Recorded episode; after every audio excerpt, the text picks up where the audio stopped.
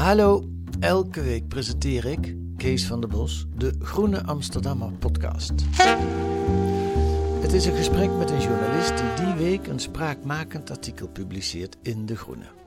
Waarom dit verhaal? Was het moeilijk om het te maken? Wat waren de uitdagingen?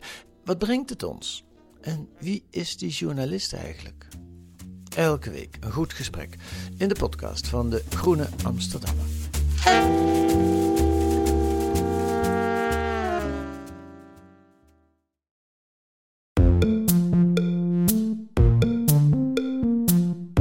Daar, fijn dat je luistert naar Boeken FM. Heb je een vraag voor ons? Stuur dan een mail naar boekenfm.dasmag.nl. En we zijn ook te vinden op Instagram, boekenfm. Wil je nou nooit meer een aflevering van ons missen? Abonneer je dan nu in je eigen podcast-app. En geef ons ook vooral een heleboel sterren en recensies. Dan zijn we ook zichtbaarder voor anderen die ons misschien willen luisteren. En uh, ik volg haar ook al echt vanaf de jaren tachtig. Zij komt eens in de zoveel jaar met de verhalenbundels. Ze Ja. heeft ook wel romans geschreven, één of twee. Dat is niet helemaal haar forte. Verhalen is ze echt... Forte, ha forte. Ik ben de enige die dat woord altijd zegt gewoon. Hoe zou jij het uitspreken? Ja, ik zou het gewoon niet uitspreken. Het is, Nou ja, Jij hebt het niet in je register. nee, oké, Ik vind sorry. het mooi. Het is een heel mooi woord en je gebruikt het uitstekend. Ja. women sporting women. Ja, oké, ja. Hallo allemaal en welkom bij Boeken FM, de literaire podcast van uitgeverij Das Mag en weekblad De Groene Amsterdammer. We zitten zoals altijd in de studio van Dag en Nacht Media. Ik ben hier vandaag met mijn waarde collega Merel Borst, die er al een tijdje niet geweest is. Dus ik ben heel blij dat ze er is. Ik ook. Eh, eh, eh, en Marja Pruis en onze eigen Joost de Vries. Welkom allemaal. Dank je Fijn je bent. Om even met jou te beginnen. Ja. Voor jou zit een gitzwarte dag. Oh god, ja. Jij bent echt begonnen met, deze dag Ja, begon voor jou met een klap, in, een klap Ja. in je gezicht. Ja. Het, stond, het stond in de krant. Ja, Iedereen heeft het kunnen lezen. ja. Dus echt, dus ik heb shame on me. Ja, je- het is iets Ja. waar je heel erg naar uitkeek, al heel lang. Wat is er gebeurd? Nou ja, ik kijk al weken uit naar het moment dat mij wordt verteld dat ik een prijs heb gewonnen voor een kleurwedstrijd. NRC heeft een kleurwedstrijd uit, vlak, uitgeschreven. vlak voor het slapen gaan gisteren zag ik online het bericht dat Marja Pruis een eervolle vermelding krijgt, maar niet de prijs heeft gewonnen. Een eervolle vermelding. Ja, Slechts, een eervolle, Eervolle vermelding. vermelding. Ja. Ja, het is echt wel een beetje een troostprijs. En je moet je voorstellen, Marja is al wekenlang gewoon fotootjes van haar kleurplaten aan Ja, het zo- zo opsturen. blij ben en ik iedereen op de groene. het. Het is gewoon een kwestie van tijd dat, dat, dat ze die prijs krijgt. Ja, Maar wie heeft hem gewonnen? ja, een of ander. Een of andere Werner- wijf. Ja. Gewoon iemand ja, die ik niet ken. Maar, de- maar ja, die heeft het heel mooi gedaan. Maar echt zo heel mooi met schaduwen en zo. Dat heb ik allemaal niet gedaan. Oh ja, maar dat vind ik vals spelen. Ja, Schaduwen op een kleurplaat. Ik ben blij dat je het zegt. Kijk, niet iedereen durft dat te zeggen, Nee. maar dat ik wel. Het is wel een beetje de doping blij, onder de... Maar ja, dat je je herpakt hebt en dat je toch hier bent. Ja. Dat je niet nu ergens gewoon... Ik had me echt verheugd op de prijs. Want de prijs was dat de kunstenaar dan een lievelingskledingstuk van je ging tekenen. Hé, dat is zo'n leuke prijs. Zo leuk. En welk lieveling had je al een klein stuk in gedachten? Ja, twee. Ik kon niet kiezen, maar dat ging ik zo over elkaar heen leggen. Wat voor kledingstukken waren het? Een hemdje, wat ik ooit op de Albert Kuip heb gekocht toen ik 17 was. Rood kant. En dat heb ik gewoon 20 jaar gedragen. Ik heb het nog steeds in mijn kast liggen. Annette Maria bedraagt het ook in Abel van eh, Alex van Warmerdam. Nee. Ja. Maar dan ken ik dat Oh. hemdje gewoon. Ja, alle meisjes in de jaren 80 hadden dat hemdje. Oh, ah. En ik heb een blouse van mijn moeder. Die begon ik te dragen toen ik 14 was. En daarin heb ik leren roken. Dus zat ik altijd voor de spiegel met die blouse. Dat is een soort zijde blouse. Dus die wilde ik eigenlijk ook heel graag vereeuwigd. Ik vind dat ook nog steeds. opmerkelijk dat jij jezelf nog steeds identificeert als een roker. Mhm. Terwijl je al 30 jaar niet meer rookt. Eenmaal gerookt hebbende, blijf je een roker. Hoe heet die kunstenaar? Jan van S. Met Jan van S. Als je dit nou hoort, kan je niet alsnog voor Marja die tekening maken? Een eervolle Een tekening. eervolle vermelding Ik ben tekening. blij dat jullie het vragen. Oké, nou het boek van deze week. Eh, ja, we gaan het vandaag hebben over. Ik heb een paar vragen voor je. eh, van eh, Rebecca Mackay, Amerikaanse schrijfster. Eh, in het Nederlands vertaald door Arjaan en Thijs van Nimwegen. Die dus, nemen we aan, niet met elkaar getrouwd zijn, maar familie van elkaar Ik dacht dat ze vader en zoon zijn. eh, zijn. Ja, Of het zou gewoon echt super toevallig zijn. dat is allebei zo heet. Dat zou mooi zijn, ja. Ja. Ehm, eh, dit boek is dit jaar verschenen en het is eigenlijk een eh who done it die zich op een campus afspeelt van een kostschool in eh, Amerika, in Vermont. Eh, En de 45-jarige Bodie Kane, die heeft daarop gezeten als tiener. Dus het is een kostschool die zeg maar tot je achttiende loopt. Uh, uh, en zij gaat er eigenlijk naar terug.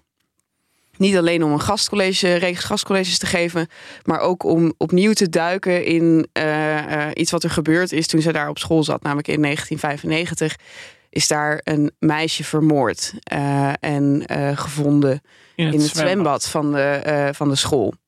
En daar is toen iemand voor gearresteerd en die zit ook sindsdien in de, in de cel.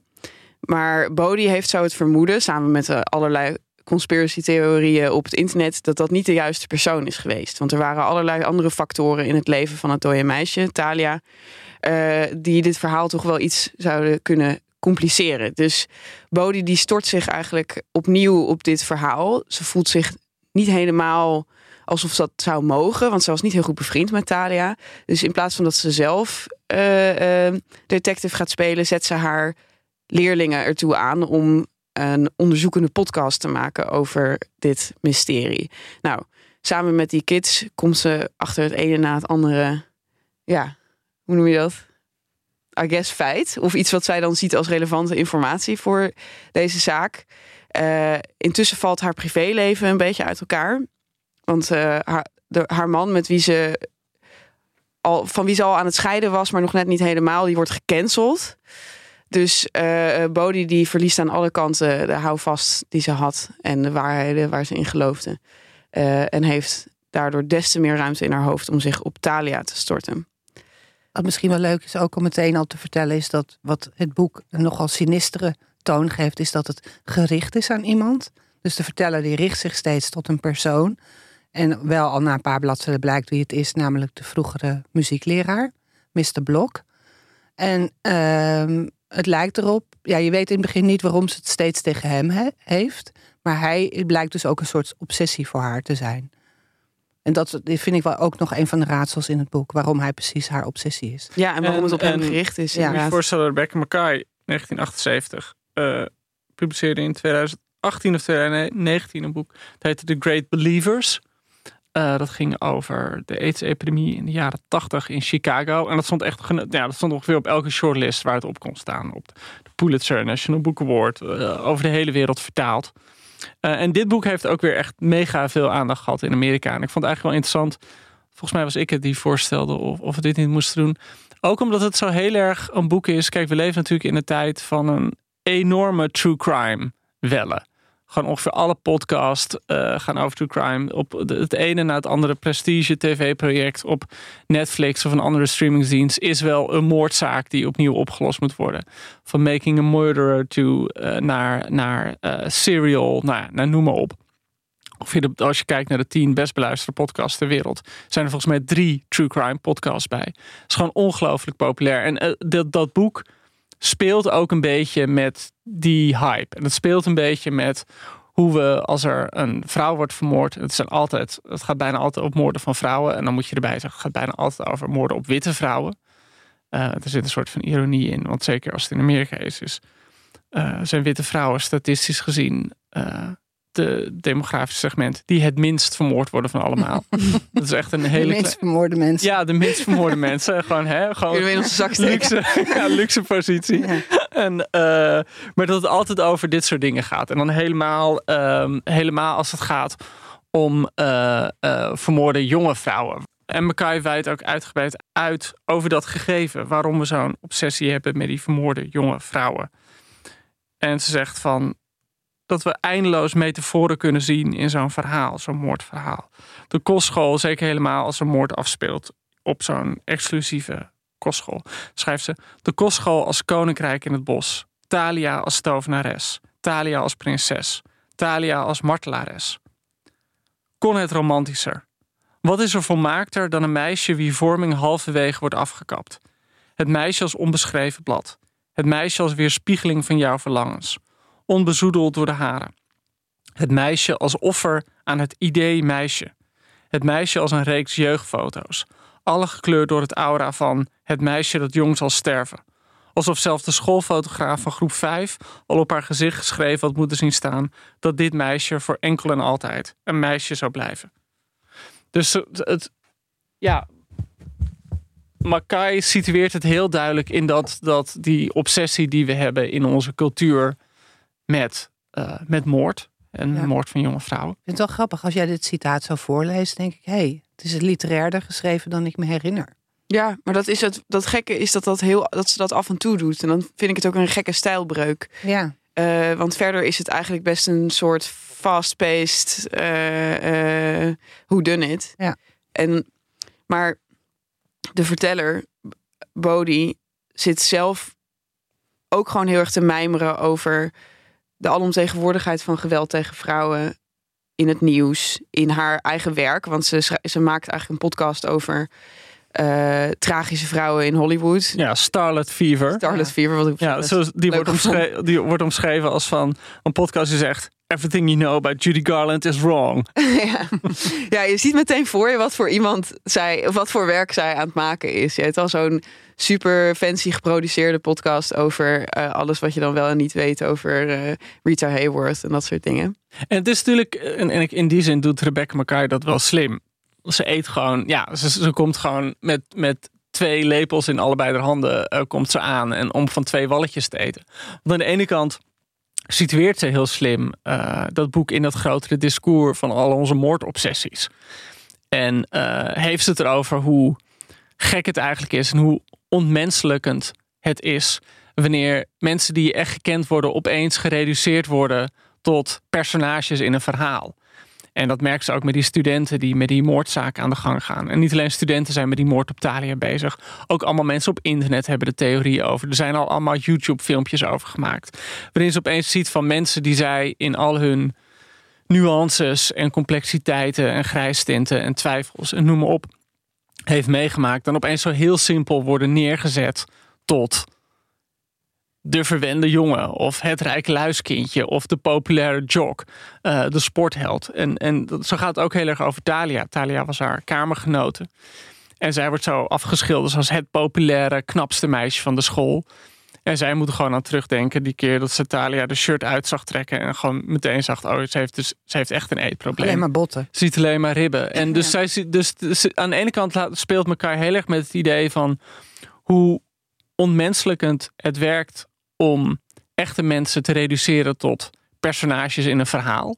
Zeker zo'n plat moordmysterie. Dus aan de ene kant geeft die kritiek op dit mechanisme. Mhm. En tegelijkertijd is dit ook wat het boek is. Ja. Want gaandeweg gaat het gewoon steeds meer over wie heeft het nou gedaan. En, en heeft Omar, die in de gevangenis zit, zit hij nou onschuldig in de gevangenis? Welk bewijsmateriaal is over het hoofd gezien? En zij komt dan natuurlijk de hele tijd met die theorie dat die, die eh, professor, professor Blok, tegen wie ze het heeft, eh, de, de jij-persoon die ze steeds aanspreekt, die titel van ik heb een paar vragen voor je. Nou, die vragen zijn gericht aan hem. Of hij er niet eh, bij betrokken is op een of andere manier. Maar dit, deze, hè, dat twee, van twee walletjes eten, dat doet ze eigenlijk de hele tijd, vind ik. En ik weet niet of dat. Het valt nog te betwisten of dat opzettelijk is. Welke twee walletjes bedoel je? Nee, Dus er zijn een, een ander geval waarin ze van twee walletjes eet, is als ze de hele tijd commentaar heeft op eh, white saviorism. Dat, is een, dat komt de hele ter sprake in het boek. Eh, want degene die ze pro- proberen eigenlijk uit de gevangenis te bevrijden, is een jongen van kleur, die Omar. Die dus ook buiten de gemeenschap lag. was En de- eigenlijk ook zo'n beetje de enige, toch? ja, en die daarom makkelijk te Ja. beschuldigen was. ja, van en hij was een beetje een soort van kruimeldealer. Eh, want hij had, hij, hij- ja, inderdaad, hij, hij dealde dan een klein beetje hash. En hij was nog docent, nog student. Dus hij was dan makkelijk om eh, de boel op af te schuiven. Is dan de theorie eh, die Bodhi aanhangt. Waarvan we ook niet zeker weten of dat waar is of niet. Maar komt op een gegeven moment een conflict tussen haar studenten. Omdat een van die meisjes die wil zich helemaal richten op deze zaak. En Omar dus eigenlijk vrij zien te spreken. En de ander, een meisje van kleur, beschuldigt haar er eigenlijk van... van je bent een white savior. Nou, Bodhi die gaat zich hier dan ook vragen over stellen van ben ik een white savior? Maar ja, eh, ik heb het idee dat die vraag niet op een intelligente manier wordt beantwoord. Want hoe Omar de hele tijd wordt beschreven als iemand die dan weer gered moet worden door Bodhi en eigenlijk boven haar door Rebecca Mackay. Eh, Omar die wordt gaandeweg een soort heilige. Eh, ik, ik had niet het idee dat dat een commentaar was hierop, maar gewoon dat ze in diezelfde val trapt. Ja, ik, ook omdat ik dacht, haar pogingen om het verhaal boven water te krijgen, de toedracht boven water te krijgen, worden toch vooral gedreven door wraak. Op op die docent. Blok. Ja. Ja, ja, ja. Kun jij iets meer over vertellen? Wat is haar wraak? Wat, wat, wat zit Bodhi dwars? Ik denk, eh, maar dan vul ik dus heel veel in, want ik vond dat best wel moeilijk te duiden waarom ze zo met die man bezig is. Eh Bodhi is best een getormenteerd personage. Ze heeft ongelooflijke rottijd gehad op die kostschool. Ze heeft altijd het idee gehad, die kostschool was eigenlijk niet voor mensen zoals ik. Ze kwam uit een super, niet alleen arm milieu, maar echt ook een, een eh, ja, eigenlijk een, eh, bijna een crimineel milieu. Haar vader was alcoholist. Haar broer heeft eh, per ongeluk, gek genoeg, die vader vermoord. Ja, die heeft hem ergens van afgeduwd. Van, van een balkon of van een poortje afgeduwd. Heel- die broer die is ook overleden aan drugs. En toen zat ze alleen met haar moeder. Die nooit natuurlijk hier eh, eh, overheen is gekomen. En toen is ze opgenomen door een soort pleeggezin. En die hebben ervoor gezorgd dat ze op deze kostschool terecht kwam. Maar ze heeft dus altijd het idee van... oh god, ik kom ergens Ja. vandaan waar ik me voor moet En schamen. dat, dat eerste jaar probeerden ze nog een soort van mee te komen met de populaire kids. Maar die zagen door erheen omdat ze dan zeg maar net de verkeerde net de kleren. verkeerde kleren. En toen kwam ze Ja. terug naar de, naar de kerstvakantie of zo. En toen was ze opeens golf. Golf. Ja. Ja. Dat was haar redding. Ja, Ja. ja. dat wordt wel echt leuk beschreven. Ja, ja, ja. vind ik, Hoe, ze, hoe ze een transformatie ondergaat. Maar haar fascinatie met Danny Blok is daardoor wel eh, is Blok. Nou, hij- wel heel dat- logisch. Ja, want- dat, dit- dit was een leraar die haar zag voor Ja. wat ze was. En die ook in haar iets zag wat ze kon. En dus kreeg ze ook een taakje bij de toneeluitvoeringen of de muziekuitvoeringen. En opeens was ze iemand en ze voelde zich echt door hem gezien. En dus eigenlijk, toen eh, ze erachter kwam dat hij misschien iets met Talia, met haar kamergenoten zou hebben, eh, voelde ze zich verraden door die man. Dat denk Wat ik ik. wel heel mooi Dat is ook een soort vind. jaloezie. Ja, ik denk dat zij net zo goed verliefd op hem was. En Ja. dat ze dan niet kon krijgen wat Talia Ja. kon krijgen. Omdat ze niet op diezelfde manier dan knap of makkelijk toegankelijk was of zo. Ja. En wat ik heel grappig gedaan vind, en ook eh, volgens mij, ehm, ik zal niet zeggen dat het per se een onbetrouwbare verteller is of zo. Maar wat wel interessant is, kijk, eh Bodhi gaat terug naar die school. Eh, zeg maar eh 25 jaar langer nadat ze er vanaf is gegaan. Alles is nog precies zoals het was. Het is helemaal perfect in de tijd bewaard gebleven. Eh, alleen zij loopt nu rond met meer kennis. En ze, ze, ze, ze, ze leert, ze gaat ook allemaal mensen met wie ze toen op school zat, spreekt ze weer en blikt ze erop terug. En Schrijft wel heel slim, of laten we heel slim zien hoe ontzettend subjectief alles is. Dus je krijgt in de eerste honderd bladzijden krijg je heel erg dat verhaal van Bodhi beschreven over eh, hoe moeilijk ze het vond en dat ze er niet bij hoorde. En Dat ze gepest dat, werd dat, ze, dat ze gepest werd en dat ze gewoon niet de juiste kleren droeg en noem maar op. En eigenlijk al die, eh, al die oud-klasgenoten, die zegt tegen haar nee. Eh, jij Cool. vond jezelf veel te cool. Jij was gewoon super ironisch. Jij gaf ons het gevoel dat we gewoon maar sukkels waren. Dus laat dan meteen zien dat die twee, die, die- het, blik van, van de persoon die kijkt en de persoon die terugkijkt, dat die twee totaal verschillende dingen kunnen Ja, zien. dat. Maar het gaf ook wel echt, vind ik, een heel naargeestige blik op überhaupt die hele puberwereld. Ja. Iedereen dus diep en diep ongelukkig is. Ja, zelfs het mooiste meisje van de klas, Ja. dat ze dan later nog een keer spreekt, Ja. was vier jaar lang Ja. doodongelukkig. Doodongelukkig werd ook misbruikt. Ja. Ja.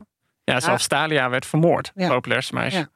Ik had een klein puntje van kritiek. Ik vraag me af of dat voor jullie ook een punt van kritiek is. En misschien ga ik er dan ook nog van over van gedachten veranderen. Eh, het stoorde mij een beetje eh, dat Makai ieder modieus aspect van de vrouwenzaak van dit moment gebruikte om het verhaal steeds te stutten met een soort politieke woede. En dan heb ik het over Ehm, nou, dat ze als tiener wel eens bij haar borst is gepakt. Dat iedereen haar de hele tijd vraagt wie past op je kinderen terwijl je hier bent. Eh, dat mensen haar werk niet serieus nemen. En dat het dus eigenlijk ook een soort ja, boeklange aanklacht is tegen hoe het is om een vrouw te zijn. En ik, ik vroeg me af of, het, of ik vond dat het een plek had in dit boek. Ik, ik moet zelfs bekennen dat ik het had kunnen missen hierin. Ik vroeg me af wat jullie daarvan vonden. Voor mij was dit echt de laag die het uiteindelijk echt een mooi boek en een goed boek maken. Oh ja? Ja, ik vond het echt daardoor een heel grimmig karakter krijgen. En ik vind dat ze daar ook op een hele slimme manier een vorm voor heeft gevonden. Om voortdurend dat erin te hameren. Op, ook op een stilistische hele spannende manier. Dus die hoofdstukken, met die ze heel tijd zeggen van er was eens een man die. Ja. Dan krijg je allemaal voorbeelden van eh, vrouwen die op bepaalde manieren vermoord zijn. Of, er Ja, was of, of mannen vrouw die, eh, ja, of er was eens een man die, die dan van die mannen die duidelijk iemand vermoord hebben, dan om, door hele domme mee redenen wegkomen. mee wegkomen. Overal inderdaad. komen ze mee weg. Het deed mij heel erg denken aan eh, zo'n bundel van Tjitske Jansen, Curriculum. Die heeft ook helemaal zo'n vorm van... er was Ja. eens een leraar die... er was eens een jongen die... boek, eh, die- En dat was ook gewoon zo'n totale suggestie van... er is iets gebeurd, iets verschrikkelijks grensoverschrijdends. Maar dat wat het precies is, dat zegt ze niet. Maar die, die stijl, en dat, vond ik, dat sprak me dus juist heel erg aan in dit boek... die stijl die heeft Makai ook voor deze ja, incidenten gevonden... die daardoor ook geen incident meer zijn. Het gaat heel erg over femicide uiteindelijk. Ja, ik- oké. Als je het zo uitlegt, wordt het, wordt het alweer intelligenter. Maar ik moet Ik- zeggen dat ik, ik, ik, wat mij denk ik daaraan stoorde, is dat Bodhi dan in de eerste plaats dus een vrouw wordt. In plaats van wat ze dan had kunnen zijn, namelijk een detective. Ja, maar ik vind het wel, Bodhi een heel aparte vrouw als personage... en zeker ook als moeder en als echtgenote... Het is op geen enkele manier sentimenteel, dit boek. nee, nee. het En is heel- ook, het gaat gewoon niet over die kinderen. Die kinderen die komen af en toe even aan bod via Ja. de telefoon of via eh, Skype, ik weet niet precies, FaceTimen. Eh, die man is met de kinderen thuis, zij is op pad. Maar ze praat op een niet sentimentele manier over. Dus dat vond ik zo bijzonder. Nou ja, het een, waar ik bijvoorbeeld meer moeite mee had, ehm, of moeite mee had, dat, was een moment wat ik dacht van oké, eh, het had ook iets minder zeitgeist kunnen hebben, is dat dan je ook nog een hele verhaallijn hebt over haar man met wie ze al in scheiding is, maar die kan ze uh, Jerome. Haar, dat is een kunstenaar en ehm, ja, die wordt dan min of meer gecanceld. Die heeft, er is een, eh, een vrouw, een jonge vrouw, ehm, die ooit. eh, Jasmine Wild. Jasmine, ja, Jasmine Wild heet ze ook. En daar had hij ooit een affaire mee toen zij 21 was. En hij was toen een beginnende kunstenaar Van 36. van 36. En, hij, en zij werkte bij een galerie. En die heeft dan nu een op zich wel heel interessant eh, eh, kunstwerk gemaakt. Eh, vind ik, waarop zij op een bankje zit in het park. En dan gewoon eindeloos dingen aan hem, over hem aan het vertellen is. En eh, Aan willekeurige aan willekeurige personen. En dan ontstaat er dus een hele storm op Twitter van deze Jer- Jerome moet gecanceld worden. Als je dan hoort welke dingen hij met er, wat hij er misdeed, valt het best wel mee. Echt zo van, hij dwong me om, hij haalde pepperoni pizza voor me, terwijl hij, terwijl hij wist dat ik geen varkensvlees eet. ik denk, dat valt op zich wel mee. Maar, eh, en dan gaat zij, ze wil dat niet doen, uh, Bodhi, maar ze gaat zich dan toch op Twitter mee bemoeien. En dan krijg je zo'n hele Twitter, weet je wel, ja, gewoon zo'n Twitter-fitty zoals het dan gaat. Dat, dat was voor mij het enige moment dat ik denk van, oh, dit had er, voor mij had deze zeitgeist er ook niet in gehoeven. Oh, maar daar ben ik het met je oneens. Want oké, ik vond dit inderdaad wel te modieus en daardoor verjaart het ook weer snel of zo. Zeker als je het letterlijk tweets in een boek hebt. Daar denk ik altijd over. nou, dat, dat, ja, dat is valt, won't eh, age ja, well. ja. Maar ik vond dit dan weer een heel interessante dimensie aan het personage van Bodhi. Dat haar vrij, nou, toch sentimenteel. eh, eh, wat ik dan wel sentimenteel vond, is dat ze eh, altijd met de vrouwenzaak zo bezig is. En dat al het geweld dat ze ziet, zit ze eigenlijk te verenigen in één grote woede over het vrouw zijn. Maar ja, deze vrouw, die dan iets lulligs over haar ex-man zegt, die kan ze dan eigenlijk niet uitstaan. Nee, Nee, je hebt en- wel gelijk. En, heel vernietigend. En dat vond ik ja. interessant. Nee, ja, aan het einde van het boek ze heeft ze ook zo'n confrontatie met, met, met iemand. eh, ja, ik wil niet te veel spoilen. En zij zegt dan echt zo van ja, maar gewoon believe the women. En Ja. dan zegt ze, oh ja, behalve als het om je eigen man gaat. Ja, en dat vond ik wel Ja. heel belangrijk. Dat, dat, dat Bodhi, die ik eigenlijk verder best een beetje eh, eh, eh, blind de politieke mode vind volgen. Op eigenlijk ieder gebied. Ze draagt ook de hele tijd een mondkapje terwijl de, pandemie al voorbij is. Eh, ehm, eh, eh, vond ik dan enigszins diepgang aan haar geven. dat zodra het haar eigen privéleven raakt, ze toch niet zo. Ja, toch heb ik het zo niet zuiver gelezen. Ik, ik, ik vond het meer pleiten wel voor haar oog voor wat echt grensoverschrijdend gedrag is. En jij ja. zei net van ja, ze wordt een keer in de borst geknepen. Dat wordt best erg beschreven. Moet je je voorstellen, je bent, wat, hoe oud was ze? 16. Ja, En zo'n jongen die toch al gewoon de hele tijd bezig is om haar op een seksuele manier voor gek te zetten. Ze zit naast de, de beste vriendin en hij knijpt ze allebei tegelijk. In, dus in de een in de linkerborst en de ander in de rechterborst. En echt keihard. ja. En ik vond het ook weer mooi dat ze uiteindelijk die vriendin die krijgt borstkanker. En dat ze dat daar nog aan linkt. Echt waar? Ik vond dat echt te, ik vond het grotesk. Ik vond het echt te erg. Nee, ik vond dat heel eh, goed. Heel, Oké, eh, mooi. oké, oké. Ja, maar kijk, dat, dat is natuurlijk sowieso waarom Bodhi wel een interessant personage is. Ze heeft heel veel van die paradoxen zitten erin. Ik bedoel, en dat is ook die paradox dat ik net zei, dat elkaar een beetje van twee walletjes eet. Dat aan de ene kant Um, heeft ze, is ze is gewoon zo'n soort van podcast queen. En ze kan aan die studenten precies uitleggen van... Hè, er is een, hè, eh, dit gebeurt er als er een narratief wordt opgetuigd... dat mensen worden gereduceerd tot bepaalde eigenschappen. Terwijl tegelijkertijd kan ze zelf niet ophouden. Ze is op een gegeven moment gewoon helemaal gelanceerd. Met gaat ze al de vriendinnen complotten of theorieën uh, uh, botvieren over... oh, maar misschien heeft die het wel gedaan. Zo lekker als een zeven. En dat die, die vriendinnen... Ja, dat, die, ik verbazen. En ze heeft gewoon helemaal niet door dat die vriendinnen... gewoon de hele tijd dan het onderwerp proberen te veranderen veranderen. Van, goh, deze pasta is lekker. En gaat ze ja, maar meneer Blok, uh, die, weet je wel. Dat... Het is ongelooflijk hoe zonder gêne ze op een gegeven moment die Mr. Blok uitlevert. Ja. Gewoon gaat vertellen van ja, hij kan niet anders dan het hebben gedaan. Ja. Net zoals ze vroeger eigenlijk, dat vond ik ook heel pijnlijk, eigenlijk het aanzetje heeft gegeven voor het verdenken van drugshandel van die Omar. En eigenlijk dat hele linkje naar die, die drugshandel van hem. Heeft zij, dat zaadje heeft zij geplant. Ja, dus dat is wel interessant. Moeten wij haar lezen als A, onbetrouwbaar uh, uh, en eigenlijk best een beetje een slechterik in dit verhaal? Of... Nou ja, als kijk, als Succession ons één ding geleerd heeft, dan is er dat het niet zo gevaarlijk is als mensen die denken dat ze veel slimmer zijn dan ze zijn. En dat is het een beetje met Bodhi. Ze denkt dat ze ergens bovenop zit en dat ze het allemaal perfect doorheeft. En keer op keer blijkt dat niet zo te zijn. En in plaats dat ze dan dat ze een, een tandje gas terugneemt, uh, houdt ze gewoon heel tijd dat gaspedaal ingedrukt. Ja, maar dat is in feite denk ik het onderwerp van dit boek ook. Dat ze laat zien hoe gevaarlijk het is om in scenario's te geloven. Als je eenmaal in een scenario gelooft, dan zie je alleen maar bewijzen die dat scenario ondersteunen. Ja. Je hebt geen enkel oog meer voor wat er anders gebeurd kan zijn. Zoals ze dit bij Wie is de Mol noemen? De tunnelvisie. ja, maar, maar weer oh mijn god. Gewoon, Wie is de Mol wordt altijd in mei opgenomen. Dan, en dan is het altijd bekend dat bekende Nederlanders gewoon weken opeens onverklaarbaar weg zijn. En Ellen is al de hele maand weg. Oh. En ze zegt dat ze in Parijs zit, maar een literair project. Wat nou als Ellen in Wie is de Mol zit? Oh, dat zou ik echt niet aankunnen. Omdat ze jou dan niet gevraagd hebben? Nee, ja, gewoon, weet niet. Dat, lijkt me gewoon heel heftig dat ik dan de hele tijd naar Ellen moet kijken en dan niet weet of ze de mol is. Ik denk wel dat Ellen de mol zou zijn. Denk je niet? kan ik moet nu wel. Dit is misschien het moment om toe te geven dat ik nog nooit naar dat programma heb gekeken. Ik ben een beetje van de post-televisie-generatie. Oh, post-televisie-generatie. Ja. Je hoeft er ook niet naar te kijken, Charlotte. Nee, het is niet een favoriet uh, van jou. Nou, ik ben er wel ooit begonnen. Uh, in het begin vond ik het wel leuk, maar het is uiteindelijk is het van die herhaaltelevisie. Je ziet mensen dingen doen en daarna gaan ze zeggen wat ze hebben gedaan. Ja, maar, maar dan kan Charlotte toch juist kijken als ze het nog nooit heeft gezien. Dan heeft ze toch geen last van die herhaling. Nee, als in dat hetzelfde moment dus vijf keer wordt herhaald. Eerst, dit ken ik wel een beetje uit wat ik vroeger altijd keek, namelijk Project Runway. Ja, het is niet Project Runway.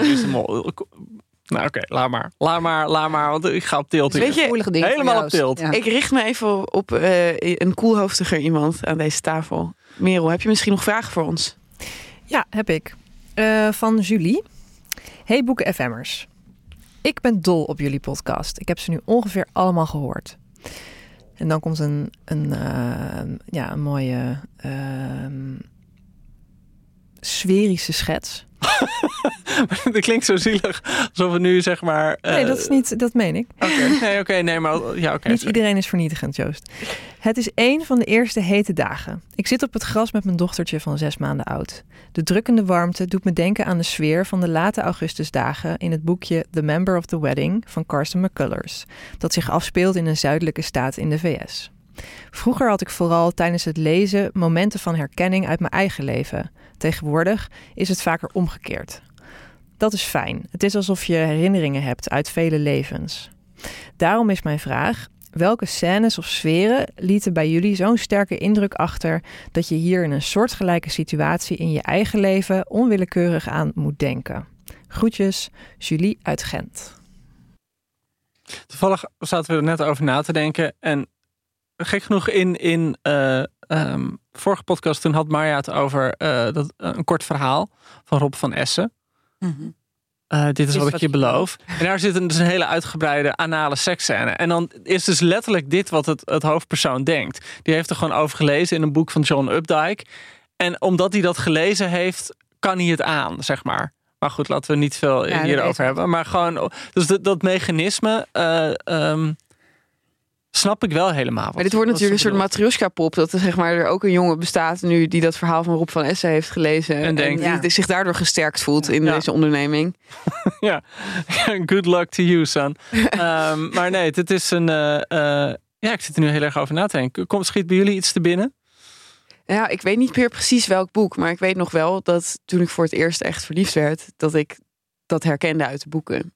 Eh, en dat ik gewoon veel eerder begon met lezen dan dat ik echt begon met een liefdesleven hebben of zo. Ja. Maar dat, dat kan je ook wel soms hebben met liefdesliedjes. Dat als je dan voor het eerst enorm liefdesverdriet had. Ja, Dat, dat weet ik nog wel, ongeveer. En dat toen opeens alle liedjes, ik dacht, hé hey, ja, inderdaad, deze metafoor, Ja. dat klopt. Ja, Ja. precies. Maar dat zal voor iedereen wel gelden, toch? Dat je, eer, dat, je, dat je eerder over de liefde weet dan dat je het echt meemaakt of zo.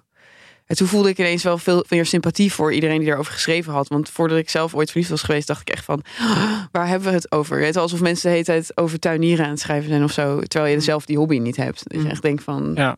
dit is zo oninteressant. Ja, maar echt zo'n heel concreet moment. Oh ja, dit is wel... Ja, dan begin ik natuurlijk weer over eh, fucking Little House on the Prairie. Het is echt de zoveelste keer. Maar daar wordt een keer in beschreven hoe... hoe kut het aan je vingers voelt om aardappels uit te graven. En dat zij vindt dat echt vreselijk om te doen, Laura. Want dat heeft een soort heel raar stoffig gevoel aan je vingers. Mhm. En toen heb ik een keer aardappels uitgegraven. eh, en toen kreeg ik gewoon meteen die hele scène in mijn hoofd van... oh ja, het is gewoon echt zo. Nou ja, dus dat. Het is niet een mooie augustusavond, maar ehm Ik aardappels. weet het eigenlijk niet meteen. Ik bedoel, het kan niet anders dat alles, dat het alle, heel veel ervaringen voor mij zijn verbonden met wat ik heb gelezen. Maar om nou een concreet voorbeeld te geven. ik- Nou, ik weet er misschien even- wel een voor Oh. jou. Oké. Namelijk dat je met wandelvakantie was.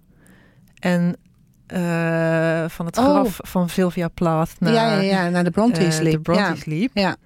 Voelde je je toen heel erg verbonden met Ja. Eh, schrij- de het is wel, en boeken? Ja, ik was dus in Yorkshire aan het lopen. En ik dacht allereerst, maar dat is eventjes hier dan losstaand van... Ik stond inderdaad bij het graf van Sylvia Plath... waar ik op zich niet op was voorbereid dat ik daar zo dichtbij was. En toen stond ik daar en toen dacht ik, goh... Opeens voelde ik, doordat zij daar lag en alleen haar naam op de grafsteen stond... dacht ik, wat ben jij ver weg van waar je vandaan komt. Hier lig je in je eentje in voor jou onbekende grond. Dat vond ik eigenlijk opeens heel aangrijpend. Eh, maar verder door de, door de moors lopen, dat is bijna onmogelijk als je Wuthering Heights of Jane Eyre hebt gelezen, om niet aan hun te denken. Ja, Ja. Dus eh, alles eraan helpt ook mee. Ik bedoel, er is niks moderns of nieuws wat het vers- beeld verstoort. En dus ja, dan denk ik daar wel heel veel aan. Maar ja, dat is toch meer in een soort algemene zin, sferisch. Nee, die kijken niet allemaal naar mij. Maar het is inderdaad heel moeilijk. Ik, ik, zit, ik probeer heel erg na te denken, inderdaad. En het is heel moeilijk om inderdaad buiten het liefdesgedeelte te denken. Want dat is natuurlijk gewoon zo'n ultiem onderwerp. En eh, ja, ja, Ja, Julie die noemde natuurlijk gewoon iets heel tastbaars of zo. Een moment waarop alle zintuigen Openstaan. openstaan en je dan beseft, oké, dit gevoel heb, herken ik. Niet omdat ik het zelf heb meegemaakt, maar omdat ik het er, erover heb gelezen. Ehm, Ik heb wel een beetje, maar goed, ik weet niet of dat dit hetzelfde is. Zo'n verhaal van Tsjechov, nou dat kennen jullie vast wel, de kus. ja. Dat, eh, dat er Ja. gewoon in een garnizoen soldaten, weet je, iemand overkomt iets, iets heel groots. Ik ga het Nee, nu je- even in het algemeen je moet zeggen. nee, Oké, ik vat heel kort samen. Het gaat over een beetje een muurbloemerige eh, officier. Eh, zijn garnizoen stopt in een plaatsje. Daar is toevallig een bal. Hij gaat naar dat bal en eh, andere collega's, andere soldaten, officieren zijn aan het dansen met vrouwen, noem maar op. Hij is daar veel te verlegen voor. Hij loopt een beetje, dwaalt af door het huis. Is in een donkere kamer. Opeens gaat de kamerdeur open. Een vrouw komt naar binnen en die zoent hem heel Ja, hard stop. hij kan dus niet zien wie het is. En zij dus ook niet. En Ja. ze, het ze blijkt dus dat ze een verkeerde persoon heeft gezoend. En dan loopt hij daarna gewoon dagen rond met dat verhaal. met dat verhaal. En voor mij, ik ben heel blij dat jij het nog zo precies kunt zeggen. Want voor mij, ik, ik heb dit verhaal altijd in mijn hoofd zitten als waarschuwing. Want hij gaat dit verhaal, waar hij dus in zijn hoofd is dat heel groot, gaat hij uiteindelijk toch vertellen aan zijn companen. En dan is het opeens weg. Weet je wel, hij heeft het Oh. gewoon in een half seconde verteld. Ja, het is voor hem gewoon dat dat verhaal vult zijn leven. Ja, En dan vertelt hij dan het en dan is gewoon je in het- 20 seconden Ja, klaar. en dan hoeft niet eens, hoeven, hoeven niet eens mensen in je omgeving of de luisteraars lullig te reageren. Maar het gaat er gewoon om. Het is gewoon weg. Je vertelt het en het is gewoon niks. Het is een luchtbel die uiteenspat. Wat is de waarschuwing dan? De waarschuwing is dat je veel, sommige dingen gewoon niet moet vertellen. Oh, wauw. Maar zegt kijkt een hele heel serieuze blik. Vol suspense kijkt ze ons zo aan. Inderdaad. Soort jullie van waarschuwing, joh. Ja, waar jij allemaal mee rondloopt. Nou, Julie, ik hoop dat dat een beetje een antwoord was op je vraag. Het was een, was een moeilijke Vraag. vraag. Merel er nog één. Ja, nou, ik zit te denken, ik had laatst wel een situatie waarvan ik dacht, oh ja, dit zou wel zo een verhaal van eh, Garms kunnen zijn. Kennen Ja, jullie hem? ja. Zo'n absurdistische Russische schrijver. Dat ik laatst, eh, dus dat is meer niet echt een, een sfeer of zo, maar dat er 's ochtends, ik ging naar mijn werk, het was half negen of zo. Ik pakte mijn fiets en toen kwam er een man naar me toe met kaplaarzen aan. En die zei, ik ben net zo erg geschrokken. Dus ik zo, oh, wat vervelend, wat is er gebeurd? Hij zo, ja, ehm, ik liep over de Brouwersgracht en er was opeens een enorme put met mannen erin. En die mannen waren allemaal heel vies. en die waren Wat? die put aan het schoonmaken. Dus ik, en ik zat zo een beetje naar die man te kijken van, misschien is hij, eh, heeft, heeft hij, ja, of, nou, ik weet het niet. Maar hij zag er verder, nou ja, behalve die kaplaarzen, verder gewoon redelijk normaal uit. Met een hoed op en Nee, dat vind ik al meteen een disqualificatie eh, ja, van de eerdere. dat je dacht, oké. Toen zei hij ja. En ik voelde me eigenlijk heel schuldig, want ik dacht, misschien moet ik die put gaan schoonmaken. Oh, nou wordt Oh, wauw, Ehm, ja. En toen vroeg hij aan mij, zou u die put gaan schoonmaken? Ik zo, nou eigenlijk niet, want ik, ik eh, nee, ik denk het eigenlijk niet. Toen zei hij, oké. En toen zei ik, nou, maar u heeft al wel de goede schoenen ervoor aan. Toen zei hij, ja, nee, s ochtends doe ik altijd mijn kaplaars aan, want dan heb ik geen zin om mijn veters te strikken. Wat? Dit was gewoon op een woensdagochtend, Ja. weet je wel? Nou ja, inderdaad. Schrijf dit uit en je hebt een Daniel Garms verhaal. Ja, toch? Ja. Nou ja, dit. Ja. Dus. Wow. Maar het is echt een heel goed verhaal. Ja. Een mooi verhaal. Ja. Nou, Ja. bedankt. Ook een beetje Rob van Essen, suspense. Weet je erop van de suspense. Ja. Dankjewel, Merel. Ik- bij mij was er ook nog een vraag binnengekomen. Oh, eh, van? Monica uit Alkmaar.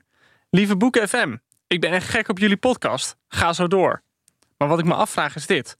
Soms heb ik wel eens dat ik uren achter elkaar zit te werken zonder op te staan van mijn bureau. Dan heb ik helemaal vierkante ogen achter mijn laptop. Echt heel heftig. Wat adviseren jullie me om dan te doen? Nou, Monica uit Alkmaar, goede vraag. Ik zeg dan altijd take 10, zoals Starbucks het noemt. Neem gewoon even 10 minuten voor jezelf. Pak een chilled classic erbij. Gewoon zeker nu het weer lekker warm begint te worden. Een lekker gekoelde koffiedrank. Ga de tuin in. Ga op je balkon zitten. Wandel naar je favoriete bankje in het park. Het is eindelijk mooi weer ervoor. Neem nog die chilled classic van Starbucks en Take 10. En wij hebben altijd advies wat je dan tijdens die, die 10 minuten pauze eh, zou moeten doen. Namelijk een mooi kort verhaal lezen. En Marja, jij hebt daar op tafel eh, een bundel van Laurie Moore liggen. Ja, het is echt een van mijn lievelingsschrijfsters. Dit is een bundel, eh, moet ik zeggen, die jij me 40 keer hebt aanbevolen. Die ik Ja. toen geweigerd heb te lezen. Ja, heel gek. En toen uiteindelijk heb ik hem eh, toch gelezen. En toen eh, kreeg ik eigenlijk niets dan woede van jou. Dat ik hem dat ik pas na tien jaar naar je geluisterd heb. En dat toen verbaasd zei: hé, hey, dit is best goed. Ja, Nu geef jij het aan iedereen cadeau Nu geef ik het aan iedereen cadeau. Ja. ja. terwijl tegelijkertijd, dat, dat is zo gek. Misschien hebben jullie dat ook. Met gewoon schrijvers die je heel goed vindt. Ik bedoel, ik wil, ik wil de word spreaden. Maar aan de andere kant wil ik, wil ik haar ook wel voor mezelf houden. Ja, jij moet als enige op feestjes over haar kunnen praten. Ja. Dat is eigenlijk. Ja, dat is het idee. Ja. Maar ik volg haar dus al. de- deze bundel is ook. Deze bundel heet Net Echt. Like Life. Is uit 1983. En eh, ik volg haar ook al echt vanaf de jaren 80. Zij komt eens in de zoveel jaar met een verhalenbundel. Ze Ja. heeft ook wel romans geschreven, één of twee. Dat is niet helemaal haar forte. Verhalen is ze echt. Forte, ha forte. Ik ben de enige die dat woord altijd zegt gewoon. Maar hoe zou jij het uitspreken? Ja, ik zou het gewoon niet uitspreken. Ja, Jij zeg. hebt het niet in je register. nee, oké, vind sorry. het mooi. Het is Ja, een heel mooi woord en je gebruikt het uitstekend. Ja. Women sporting women. Ja, oké, ja. Believe women. Oké. Eh, eens in de zoveel tijd komt ze dus met een verhalenbundel. Dan ben ik altijd heel blij. Ja, ik het ben ook heel blij dat ze nog verhalen. leeft. En Zo, zo oud is het toch niet? weet ik niet. Ik hoop altijd dat het... Ze is 60 of zo. Oh, Het is niet. nou ja, ik ben blij dat ze ook. nog- heel lang leeft. is, Ja, ja. oké, ja. Ehm, en 66. 66. Nou, maar om welk verhaal gaat het? het gaat om het verhaal. U bent nog lelijk ook. Het is een verhaal over een. eh, zij schrijft heel vaak over docentes die aan de universiteit lesgeven. Deze docenten, Zoe, die geeft Amerikaanse geschiedenis ergens in de Midwest. zitten allemaal van die enorme studenten in de, in de banken. Die allemaal op eh, vlees en melk groot zijn geworden. Schrijft ze ook heerlijk. En deze studenten, of deze docenten, die ehm, is voortdurend in conflict met haar studenten en met haar collega's. Iedereen vindt haar eigenlijk te lichtzinnig. Omdat ze gewoon eh, de liedjes van Oklahoma uit haar hoofd kent. en omdat ze eh, eigenlijk aan een boek bezig is over de humor van Amerikaanse presidenten. Ja, en omdat het De een beetje moppen. ontspoord is. Het is een beetje ontspoord. Ja. Eh, ze heeft, eh, is voortdurend in gesprek met haar zus, die eh, verloofd is. Die woont in New York. En die vindt het heel raar dat zij nog steeds geen partner heeft. En die wil haar aan de man krijgen. En die zus geeft op een gegeven moment een Halloween party. Ze gaat naar New York en daar ontmoet ze een man. Eh, ze beschrijft zichzelf, ze heeft zo'n groot bot op haar hoofd, want ze moet natuurlijk verkleed komen. en de man aan wie ze gekoppeld eh, dreigt te worden, die is verkleed als naakte vrouw. En ja, het is echt, ik ben blij dat je lacht, Charlotte, want het is echt, dus echt heel grappig. Zij is gewoon een hele grappige schrijfster. En tegelijkertijd is het heel. eh, nou, op haar gaat nu echt het woord droefgeestig op. Het is. eh, de verhalen zijn net lekker plotloos, maar ook weer niet vaag. Ja, en wat, wat zo interessant is aan dit personage, eh, ehm, is Joost dat. kent haar inmiddels uit uit Ja, ja, is dat ze eigenlijk de hele tijd zitten zeuren over de mannen die zij kent. Het zijn allemaal de verkeerde mannen. Ze zijn Mm. allemaal fout. Ze zijn niet grappig genoeg. Ze zijn niet ontspannen genoeg. En dan ontmoet ze dus op dat feestje een man die eigenlijk helemaal voldoet aan alle dingen Mhm. die zij wil van een man. dus dat hij als naakte vrouw. En volgens haat ze hem. Dus volgens is ze hem gewoon, nou, ze probeert hem nog net niet te vermoorden. Nee, maar ze hebben zo'n heel gesprek. En die man die vraagt op een gegeven moment aan haar van... en hoe denk jij over liefde? En dan, oké, ik zal jou vertellen hoe ik over liefde denk. En dan komt ze met een verschrikkelijk verhaal. Wat eindigt met de dood. Maar dat is zo ongelooflijk eh, grimmig en grappig tegelijk. Terwijl hij dus helemaal, want waarom vraag je aan een vrouw hoe denk je over de Ja. liefde? Ja, dat is omdat je een Om een romantische setting ja, probeert te creëren. Ja. Dus die man is gewoon helemaal eh, wat ze wil, wat ze beschreven heeft, dat Mhm. zoek ik. En volgens herkent ze het niet. En je hebt zo'n meme volgens mij van, van eh, soms ben je als vrouw zo op zoek eh, naar Mr. Right dat je zelf vergeet dat je Mrs. Wrong bent. en dat, dat, dat is dit. Eh, dat is een heel geestig verhaal. Oh, bedankt voor de tip. Ik heb een bundel van haar liggen waar ik nog steeds niet in gekeken Weet je heb. welke bundel? Nee, dat heb ik gewoon een keer aangeraden gekregen bij de tweedehands Birds Engelstalige... of America. Ja, Birds of. America, ja. Ja. Want haar eerste boek is Self-Help. Dat is ook ontzettend Heel leuk. leuk. Self-help is echt zo in de jij-vorm geschreven, wat soms dodelijk kan zijn. Maar in self-help is het heel grappig. Oké. Ze heeft als een zelfhulpboek geschreven. Ja. Anagrams vind ik misschien eigenlijk wel haar beste. Een soort keten van verhalen. Ook weer over een docenten. Heel, heel erg goed. Nou, Monika uit Alkmaar. Eh, als jij je Starbucks Take 10 neemt met de Chilled Classic, is dit een perfecte tip om te lezen. Geniet ervan en werk niet te hard. En take 10. Dankjewel Joost. Oké, fijn. Fijn. Ik ben altijd blij. Ik heb altijd gewoon hier. Dit Oh. is voor mij toch het moment dat ik dan altijd denk van.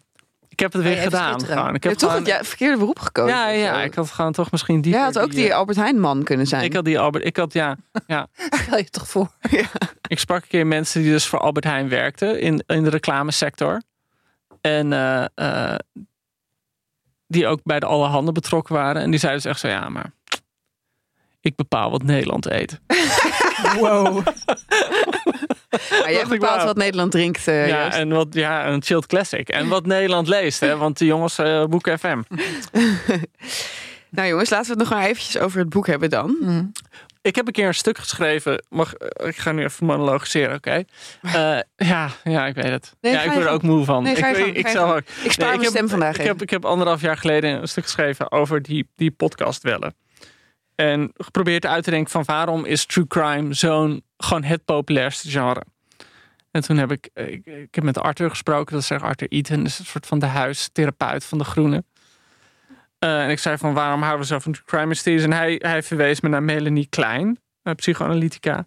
Die sprak over de paranoïde, schizoïde positie. En simpel uitgelegd is dat het idee dat we als kind de wereld opdelen in goede en slechte objecten. Eh, en dat wanneer we dan opgroeien in kleins worden, leren we de tegenstrijdige impulsen te verenigen. Wat leidt tussen een grotere synthese van het goede en het slechte. En we leren dat de wereld ambigu is en complex en paradoxaal.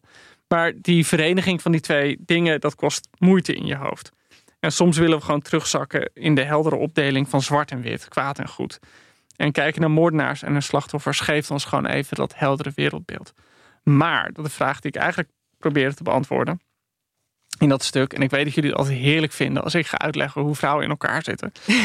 is waarom true crime. Ik ben ook wel benieuwd of jullie het met, met deze theorie eens zijn. Waarom true crime een ontzettend vrouwengenre is. Want de cijfers laten daar geen misverstand over. Uh, van bijvoorbeeld Serial, die hele beroemde podcast. 80% van de luisteraars is vrouw. Uh, sowieso van alle true crime uh, luisteraars van podcast, een studie van een paar jaar geleden, wordt geschat dat 73% vrouw is. van Amazon, volgens Amazon wordt 70% van true crime boeken door vrouwen gekocht. Dus het is echt, de cijfers liegen er niet op. Het was voor die tijd ook al zo dat uh, uh, true crime op televisie was, overdag, was daytime television voor huisvrouwen. Ja, nou, maar op dezelfde manier, ik, ik weet niet of het letterlijk hetzelfde is. Horror is bijvoorbeeld ook een vrouwengenre.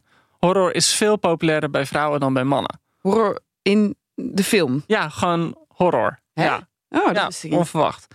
Nou, daar had ik toen een aantal theorieën over. Ik had van alles rond zitten lezen. Eén theorie is gewoon MeToo. Hier heeft iemand er gewoon een boek over geschreven? Of, dit, of jij hebt zelf ook even wat Er zijn- theorieën over opgezocht? Eh, eh, er is inderdaad wel één of twee boeken zijn over geschreven. Die hebben andere theorieën. En er zijn gewoon heel veel theorieën over. En, en er is geen sluitende theorie. nee, oké. Want ja, het is, het is niet te bewijzen. Eh, eentje is gewoon MeToo. En dat is eigenlijk het idee... eh, Gewoon niet. ja, gewoon, ja, gewoon MeToo. Nou, het simpele feit dat, dat mannen eh, voor ons toch wel vaak ge- gevaren vormen. Nou, het idee is denk ik, ja, dat, dat is eigenlijk eh, eh, theorie 2. Theorie 1 van die populariteit, de toenemende populariteit, is gewoon het idee dat je slachtoffers een stem wil geven. Dus dat er heel veel een behoefte is omdat vrouwen niet zomaar alleen een vermoord object zijn, maar dat die vrouwen ook gewoon een leven hadden. En ook, eh, hey, je hebt het natuurlijk heel vaak met moorden dat het alleen om de moordenaar gaat. Mm. En dat die true crime ook heel vaak wil laten zien hoe die vrouwen geleefd hebben. Dus dat het eigenlijk een manier is om de vrouw, het slachtoffer, een stem te geven. Nou, andere theorie is eigenlijk wat jij zei, sublimatie. Eh, dus, dus het kijken of luisteren naar gruwel stelt je in staat het allerergste mentaal voor te stellen. Eh, om zodoende je angsten misschien niet te overwinnen, maar toch even af te reageren. Eh, en ik, kwam een stuk tegen van Zoe van Dijk. Dat is een, een Nederlands-Amerikaanse essayiste. Die op Mother Jones, een links-progressieve site, schreef. True crime staat ons toe om collectief iets te voelen dat we zelden in het openbaar kunnen bespreken. Namelijk, men are fucking scary. De wereld is fucking scary. En we staan volledig in ons recht om fucking bang te zijn. Ehm, dus, dus dat is een theorie. Eh, er zit wel een ironie in. eh, namelijk dat vrouwen zich minder veilig zijn gaan voelen. Doordat ze zoveel true crime luisteren. Ehm, Echt waar? true crime zo op vrouwelijke slachtoffers gaan inzoomen. Eh, en dat ze volgens true crime gebruiken om die veiligheid te sublimeren. Een soort van close loop. Want ja, die cijfers had ik het net al over. Dat het soort vrouwen dat hiernaar luistert. En dan hebben we het dus eventjes over witte hoogopgeleide vrouwen.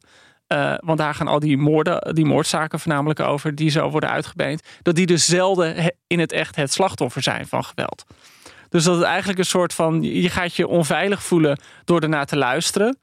En door dat te luisteren overwin je dat onveiligheid. Nou goed, Het is een beetje alsof je naar Air Crash Investigation kijkt, toch? Er gebeuren heel weinig Ja. eh, vliegrampen. dat, dat is wat het is. Eh, eh, maar hoe meer je er naar kijkt, hoe meer je denkt dat dit de hele tijd gebeurt. Ja, aan de andere kant, of zo. Jaws. Ja, precies. Ja. Maar aan de andere kant denk je ook van... ik kan die angst dan overwinnen... want ik weet nu alles over Ja. vliegtuigen... en ik weet waar het mis kan gaan. Nou, er is nog een theorie waarom vrouwen meer van true crime houden dan van mannen. En dat gaat jullie niet bevallen. Eh, dat is Tot nu toe beviel het me allemaal heel goed, Joost. Ja, nee, ik weet, ik zie, ik zie je stralen. Eh, dat is een, een wat oudere theorie. Eh, Toen de wereld nog heteroseksueel was. ja, en, en gender heel binair. Ehm, dat, er wordt een knuffeltheorie wordt dat genoemd. Eh, en dat is een onderzoek waarbij een groep wetenschappers tientallen man-vrouw stelletjes naar enge films liet kijken. En de vrouwen gaven aan dat ze de kijkervaring veruit het leukst vonden als zij mochten schrikken en schreeuwen. En dat hun mannelijke partner stoer stoïcijns bleef. Vrouw is bang, man is sterk, zij schrikt, hij stelt haar gerust. En daar vinden ze elkaar in de bioscoop. Dus deze ontzettend gendervaste rolverdeling is dus de knuffeltheorie. En nou, het is niet bepaald feministisch en het is Ook nog wel, heel erg het is hetero beeld. Maar het gekke is wel, het is een oud de- onderzoek. En het is dus een van die zeldzame onderzoeken die ze heel vaak gereproduceerd hebben en altijd hetzelfde resultaat geeft. Maar de True Crime podcast, die luister je nu in principe toch Ja, als dat- vrouw dat- alleen. eh, eh, De op de podcast is werk. wat anders dan een eh, film, inderdaad. Ja. Want, want ik zou denken dat, want ik heb de, paar true crime-achtige dingen die ik heb gelezen of geluisterd, was eigenlijk ehm, het leuke ervan was dat je als luisteraar erbij betrokken werd en een gevoel van controle hebt over de details van zo'n zaak. Ook al is het bijvoorbeeld een zaak die al 40 jaar oud is. Uh, dat als er in zo'n aflevering dan een, een, een nieuw detail aan het licht komt, dan heb jij het gevoel dat je een puzzel hebt opgelost. Ja. En heeft beantwoord denk ik dus meer aan die wens om een puzzel op te lossen dan aan een soort uh, primaire angst voor mannen of zo. Ja, maar ook alsof je je angst dus op een rationele manier kunt oplossen. Ja, en dat doet Bodhi natuurlijk Ja. in dit boek heel erg. Zij praat zichzelf eigenlijk aan dat zij nog iets heeft toe te voegen aan deze al gesloten zaak. Eh, en intussen ligt ze tijd wakker van wat er vrouwen overkomt. Dus zij, Ja. zij doet misschien precies wat jij net schetst. Namelijk, zij stilt haar angst door Ja, dus het is die sublimatie. door controle Ja. hierover te nemen die eigenlijk, die eigenlijk kunstmatig is. Want we weten aan het einde no- nog steeds niet of Bodhi nou echt iets heeft toegevoegd aan, aan, aan deze zaak. Hm.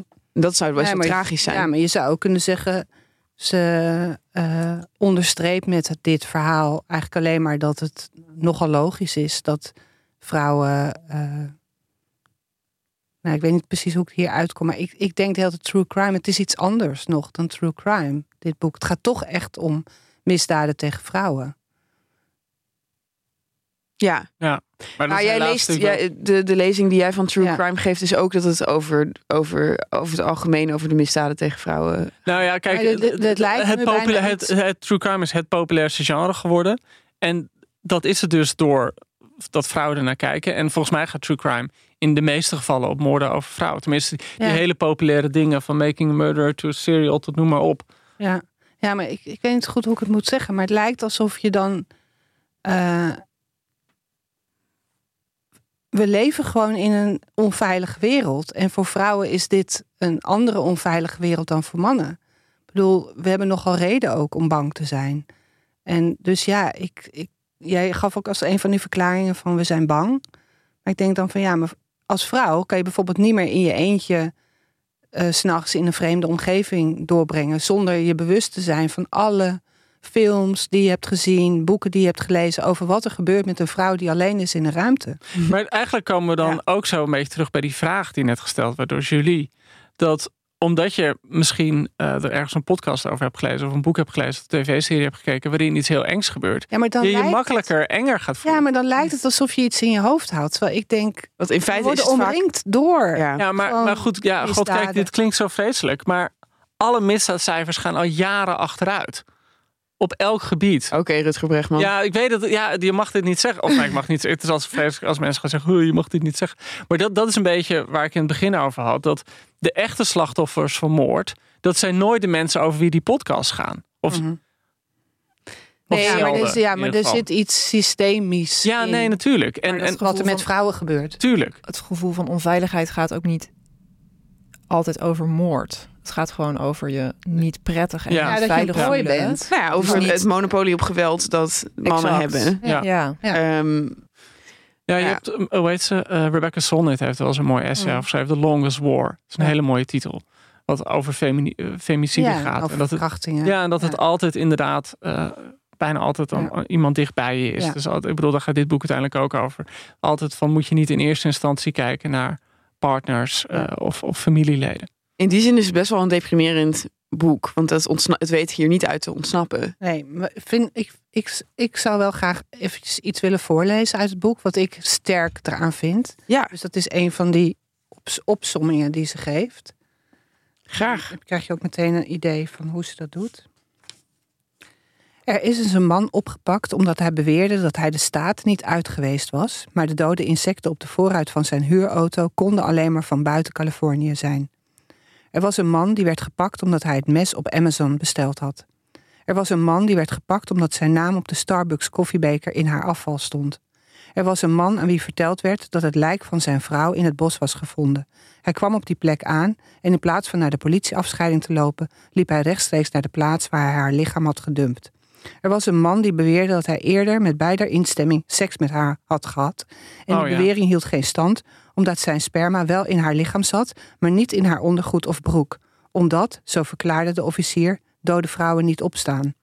Er was een vrouw die erin slaagde het rijbewijs van haar ontvoerder in twintig kleine stukjes te snijden en door te slikken, zodat zijn idee in haar maag zou zitten als ze haar lichaam vonden. En ze arresteerden hem. Hij werd ondervraagd, maar er is nooit een aanklacht tegen hem ingediend. Ja, dat krijg je wel kippenvel van. Ja. Absoluut. Ja. En hier met de- deze opzommingen zit het boek dus vol.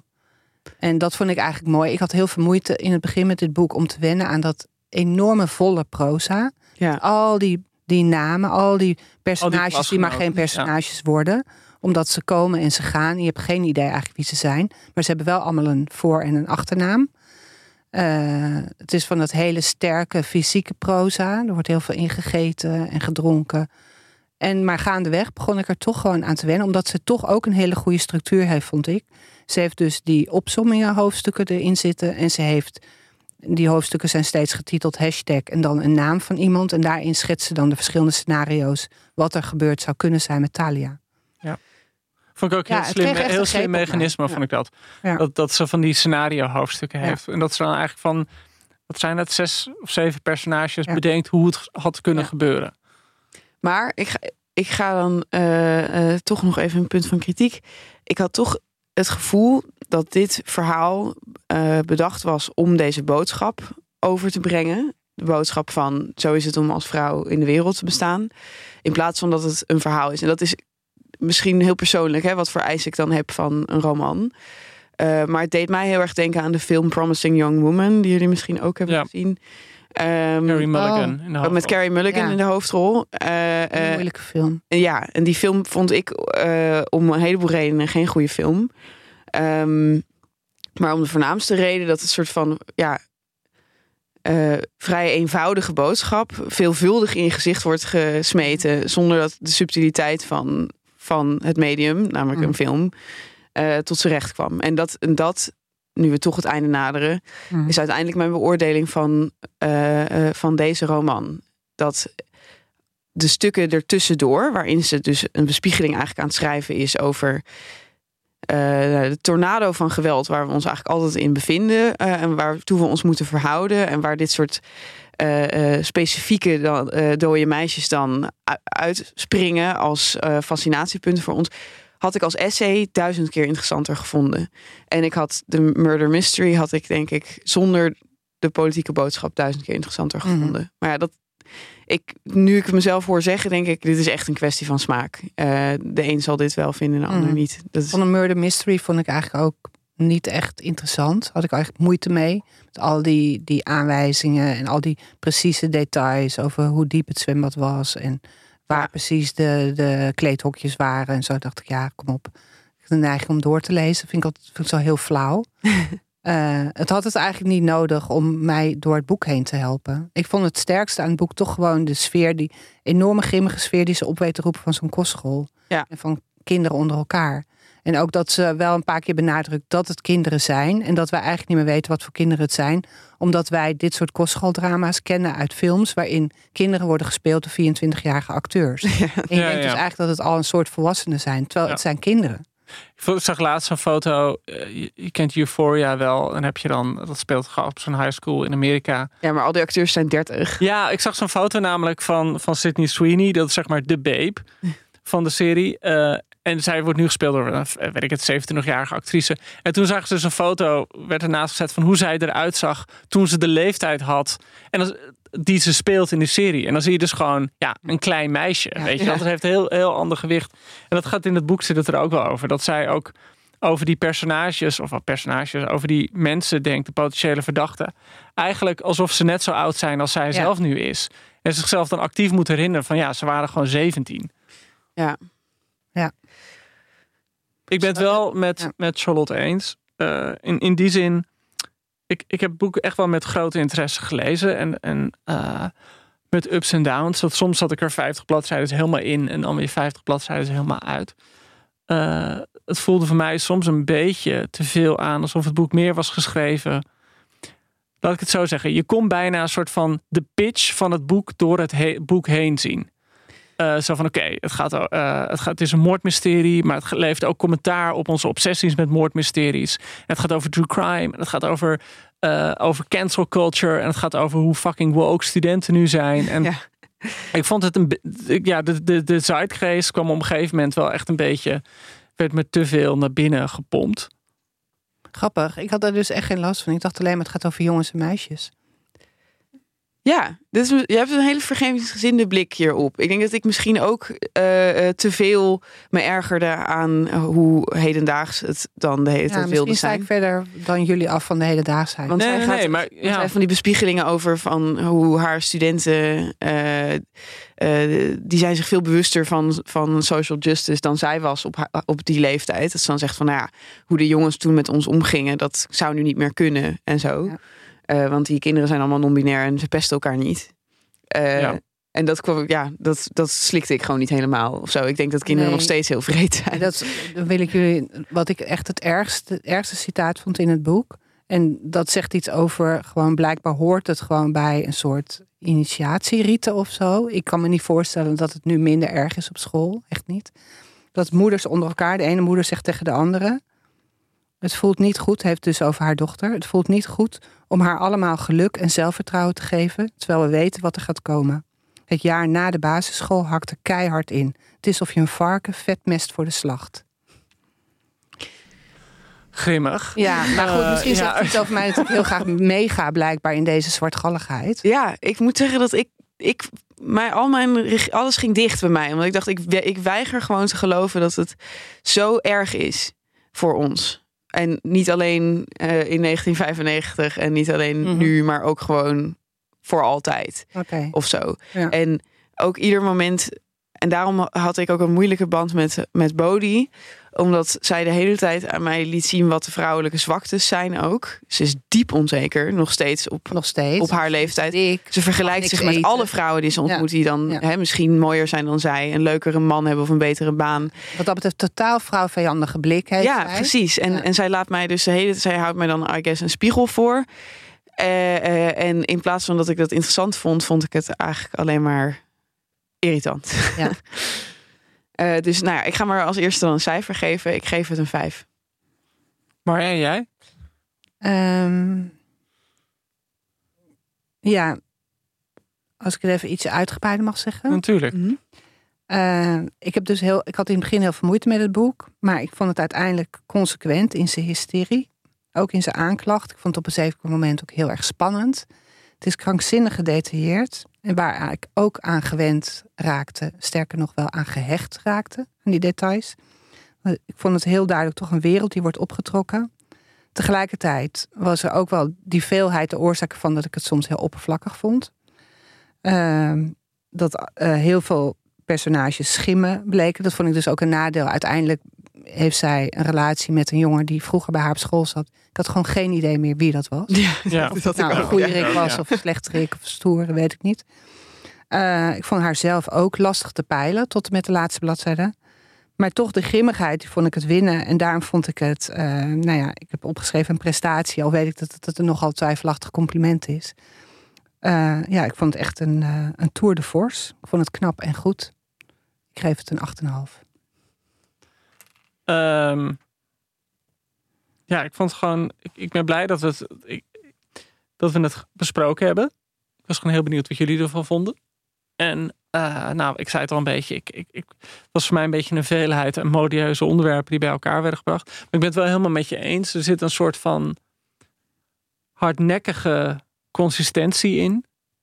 in ik vind het ook wel dapper. Kijk, niemand van ons vindt Bo- Bodhi een leuk personage. Ik vind het ook altijd dapper als een hoofdpersoon of als een schrijver gewoon zo kiest voor een hoofdpersoon dat niet zeg maar cute en, en eigenlijk heel zacht en sentimenteel is. Eh, die haar lesje leert op die manier. Eh, dus dat, dat had ik eigenlijk toch wel, dat, dat hield me wel lezende. Ik viel zelf een beetje in de val. Eh, jullie zeggen allemaal van het murder mystery interesseerde me niet. Ja, eigenlijk vond ik dat toch op een gegeven moment gewoon wel interessant worden. het, is toch wel heel, het geeft heel veel voldoening dat er wel een hele nieuwe theorie op tafel wordt gelegd. Een theorie voor wie het gedaan zou kunnen hebben. Waarvan ik wel toen ik het, het- ik las het, toen dacht ik, oh kijk, die heeft het gedaan. Toen sloeg ik het boek dicht, toen dacht ik, ja, maar Bodhi heeft heel veel vaker daarnaast gezeten. Dus misschien heeft hij het helemaal niet gedaan. Is dit ook maar een theorie? Dat wel heel geloofwaardig Ja, het is wel heel geloofwaardig. Ja. Maar ja, andere dingen waren ook geloofwaardig die er eerder Ja. in zaten. Eh, dus, dus ik heb het met ups en downs gelezen. En toch ja, wel gewoon gefascineerd doorgelezen. Ik geef het een eh 7. Dan komen we uit op gemiddeld een 6,8. Wat op zich prima is. En we hebben het voor elkaar gekregen om geen belangrijke spoilers te geven. Ongelooflijk. Ja. Ja, dus Ja. je kunt het nog lezen. Ja. Eh, en ik denk dat als je van het genre houdt, dat je dan sowieso wel een goede Ja, maar tijd jij nu zin, Merel, om het te lezen? Ik heb wel zin om het te lezen. Ja, maar- ja, ik heb ik- eigenlijk wel nog één vraag voor jullie als luisteraar die het dus nog niet heeft gelezen. Eh, en ik weet niet of dit relevant is, anders kunnen we het eruit uitknippen. Maar het doet, als jullie er zo over praten, mij dus heel erg denken aan de Secret History. Het is, Ja. het is dus Is vergeleken met de Secret History en dingen. Maar het is echt onvergelijkbaar met de Secret History. Vind je dat? Ja, ik vind, nou, het ik vind het- onvergelijkbaar. ik, vind, echt. ik vind wel dat ik heel erg zie dat me, Makai daar haar inspiratie vandaan haalt. Nee, kijk, de Ze Secret probeert de hele tijd, ze doet hele tijd best wel fletse pogingen om van die gothic beschrijvingen van die campus te geven. Ja, maar Secret History heeft in principe een hele vaste kern aan personages die je allemaal heel goed leert kennen. Ja. Het neemt zo zijn tijd voor die sfeerbeschrijvingen. Het is zo'n duidelijke eenheid van handeling en locatie. En dit boek schiet alle kanten op. Maar jij denkt dat dat opzettelijk is? Ik weet niet of het opzettelijk is, maar ik, juist. ik bedoel, het kan zijn dat ze. eh, eh, maar gewoon als ze, als ze een kopie van de Secret History eh, had willen schrijven, dan is het wel echt mislukt. maar is Secret History wel echt een klasse apart. Nee. Ja, en Secret History is ook oprecht een filosofisch boek. Op Mhm. een of andere manier. Het is veel zwaarder dan dit. Ik vond dit al best zwaar hoor. Het is een hele, het is een hele legitieme vraag hoor. Want in sommige recensies eh, werd het ook een beetje daarmee vergeleken. Nou ja, als je je graag verlekkert aan die soort van besloten omgeving Wat van een besneeuwde is. campus, is dan, heerlijk, dan. Ja. dan is dit in hetzelfde van dan vind je dit ook leuk, denk Ja, ik. precies. Ja. Dat wel, dat wel. Oké. Nou jongens, bedankt voor het luisteren. Dankjewel, tot de volgende keer. weer. En we zien jullie dan weer over twee weken. Doei. Doei. Hey, en take 10 hè.